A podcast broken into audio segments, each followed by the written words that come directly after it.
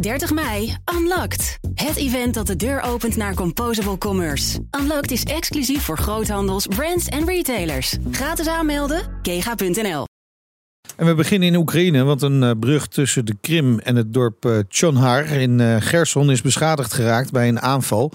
Brug kan daardoor tijdelijk niet gebruikt worden, zo zeggen de gouverneurs van de Krim en Gerson, die beide door Rusland zijn aangesteld. Nou, Rusland stelt dat de aanval het werk was van Oekraïne. De Europese Commissie eist uitleg van Hongarije weer vanwege een gevangenruil. We praten erover verder met buitenlandcommentator Bernard Hammelburg. Goedemorgen Bernard. Goedemorgen Meindert. Even maar beginnen met die brug. Wat weten we daarover? Nou, het, het spannendste vind ik het wapen dat uh, ze gebruikt schijnen te hebben. Dat is een zogenaamde Storm Shadow raket, of meerdere. Dat is een Brits uh, product. Met, uh, dat, en dat is een lange afstandsraketten. Je weet, er is een enorme discussie geweest. vooral onder, de, de, de, onder, ja, onder de Amerikanen die steeds maar zeiden: je moet uitkijken met raketten die al te ver kunnen komen. Nou, dit is er zo één. En die kan dus klaarblijkelijk de Krim raken. Dus dat is, dat is ik, ik zal zeggen, in de, in de strategie van, van dat offensief wat nu zich afspeelt, mm -hmm. een heel belangrijk uh, gegeven. De, de schade aan die brug zelf, die valt voor zover ik begrijp wel mee. Dat is, is snel te repareren. Mm. Maar het is wel een ding hoor, dit. Dat ze, ja. En, en het, het, het wijst er ook op uh, dat, wat, wat veel deskundigen zeggen, de, de Oekraïners het liefst dat offensief zouden verplaatsen naar de Krim. De, de Krim is toch het symbool geworden ja. van, uh, van, van, van uh, de bezetting. En uh, de, Oekraïners dromen ervan dat ze die in elk geval weer terughalen. Ja. Nou, dat, dit, dit is alleen maar een, een, moment. En het betekent strategisch ook weer niet zo heel veel. Nee. Maar die, die Storm Shadow raket is voor mij het verhaal van de dag. Ja. Hey, maar, maar, maar toch, het betekent misschien niet zoveel. en de schade aan de brug is niet zo groot. Maar gisteren waarschuwden Oekraïnse officieren wel al dat Russen de Krim maar moesten ontvluchten. Ja. Voegen ze een beetje daad bij het woord? Ja, wel. wel. Uh, ik, de, natuurlijk, uh, een, een, heel groot deel van wat er in een oorlog gebeurt is natuurlijk intimidatie. Ja. En zeker daar. En daar valt dit ook onder. Maar uh, het, het, is wel zo dat de Russen die daar zitten een behoorlijk knijpen. Al een hele tijd. En terecht, want ja, van tijd tot tijd zeggen de Oekraïners weer... het gaat in de eerste plaats over de Krim en dan komt er weer zo'n aanval. Het is al een paar keer eerder gebeurd. maar met zo'n... Tot, tot nu toe hebben ze daarvoor HIMARS-raketten gebruikt... die die, die, die kunnen eigenlijk ietsje minder ver. Maar nogmaals, dit, dit is echt wel een beetje een doorbraak, puur strategisch. Ja, uh, over, over doorbraken gesproken, hoe staat het met het offensief? Ja, dat, dat hangt er vanaf naar wie je luistert. Zelensky zelf zegt uh, tegen de wereld: dit is geen Hollywoodfilm. He, dus het is niet zo dat wij uh, daar intrekken en dat dan een paar dagen later wij gewonnen hebben of zo. Uh, dat is voor de film. Het gaat heel langzaam. het staat vaak stil, zegt hij zelf. Prigozhin van de Wagnergroep, die zegt de Russen besodemieteren de boel. Die woorden heeft hij, je weet dat soort woorden hij graag gebruikt. Mm -hmm. Want het gaat veel slechter okay. voor de Russen dan wij tot, dan, dan ze toegeven. Dus de Oekraïners die hebben veel meer succes dan, dan, dan van ons kant wordt toegegeven. We zijn er niet bij, jij en ik, nee. dus ik weet het eenvoudig nee. niet. Blijft, blijft lastig dat, te verifiëren allemaal. Vanochtend hoort. Ja, precies. Eh, dan even naar dat toch wel opmerkelijke verhaal over Hongarije. Dat uh, land moet tekst en uitleg geven over elf Oekraïense krijgsgevangenen die aan dat land werden uitgeleverd door Rusland. De uh, Europese Commissie eist die opheldering. Inmiddels zijn drie van de krijgsgevangenen teruggekeerd naar Oekraïne.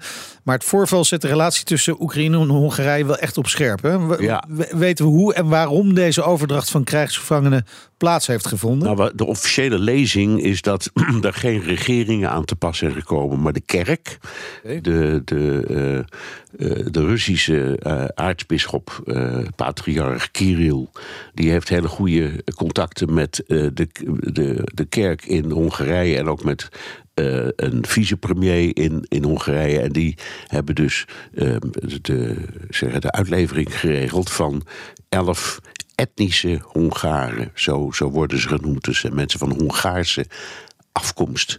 Uh, uh, en die, uh, die, die zijn dan door de Russen aan Hongarije uitgeleverd. En daar is een enorme trammeland over ontstaan. ik vind dat eerlijk gezegd, je begrijpt het wel, maar ik vind het ook raar. Want je kunt zeggen, nou, er zijn toch weer elf levens gered. Dus Ja. dat, of, het nou, hoe het nou, of het nou linksom gaat, Ja. ik kan maar zeggen via Rotterdam of via, of via Budapest, wat maakt het uit? Nee, ja, het maakt heel veel uit, omdat eh, de, de EU eh, hier het zoveelste bewijs in ziet dat Hongarije een, een, eh, een desastreuze rol speelt in de houding tegenover eh, Rusland. Want dit, dit- het moet natuurlijk met Russische toestemming allemaal zijn gebeurd. Hongarije weigert ook steeds. Ehm, eh, of ligt steeds dwars bij, bij die sanctiepakketten, bij het hard optreden tegen Rusland, bij het aanslaan van een toon bij Rusland. Dus dat zit erachter. En die vijandschap tussen Oekraïne en, en, en, Hong- en Hongarije, die is er altijd een beetje geweest. Dus dat komt allemaal bij elkaar. Ja, precies. Dus dat, eh, dat zegt ook veel over de relatie tussen de EU en Hongarije. Hè? Precies, En- precies. Ja. Ondertussen kondigde de EU gisteren het, het elfde sanctiepakket tegen Rusland alweer aan. Eh, z- Zijn er nog opvallende zaken in dit pakket? Ehm, nou, het, is, het, is, het, is, het zijn weer heel veel firma's en mensen. eh, eh, en voor het eerst worden er ook. Ik weet niet precies of het echt waar is trouwens. Maar er wordt ook gesproken van drie Chinese bedrijven. die ervan worden beschuldigd. dat ze eh, materiaal leveren, zoals chips, aan Rusland. Maar goed, dat kan ook uit Nijmegen komen, weten we sinds vandaag. Oh, inderdaad. dus dus de, hè, het is dus maar de vraag of dit echt is. Er was ook een bericht dat China had gevraagd of er een paar bedrijven van de sanctielijst af konden. En dat is dan gebeurd. Maar ik, dat kan ik niet precies eh, beoordelen.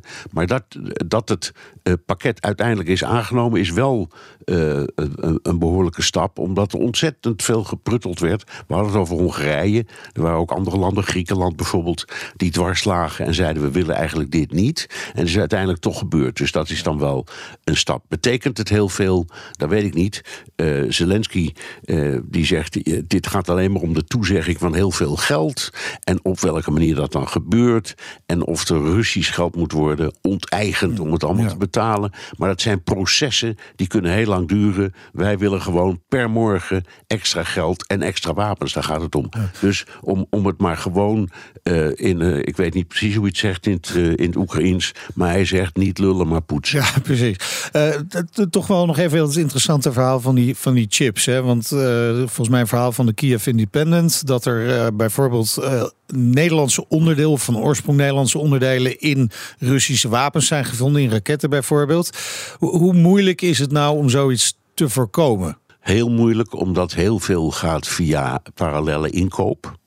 Ehm, eh, dat is een, een middel, ja, daar kun je heel weinig tegen doen. Of door landen eh, die eh deals sluiten met een fabrikant. En die landen verkopen het dan weer door. En overigens, we gaan daar vanmiddag in BNR De Wereld uitvoerig op in. Op hoe dat nou precies werkt, dat mechanisme. Maar ik geef één voorbeeld, zul je waarschijnlijk wel hebben gezien. Er is in Dubai een bedrijf dat voorziet westerse en Japanse en Koreaanse auto's van stoelverwarming. Ja. Nou, dat heb, je, dat heb je in Dubai niet echt nodig. Nee. Dus het zijn allemaal auto's die worden doorverkocht aan Rusland. Maar die zijn gewoon ingekocht door iemand in Dubai. En die verkopen ze dan weer door in Rusland. Nou, dat kan je met chips ook doen. Het is heel lastig om daar de vingers tussen te krijgen. 30 mei, Unlocked. Het event dat de deur opent naar Composable Commerce. Unlocked is exclusief voor groothandels, brands en retailers. Gratis aanmelden, kega.nl.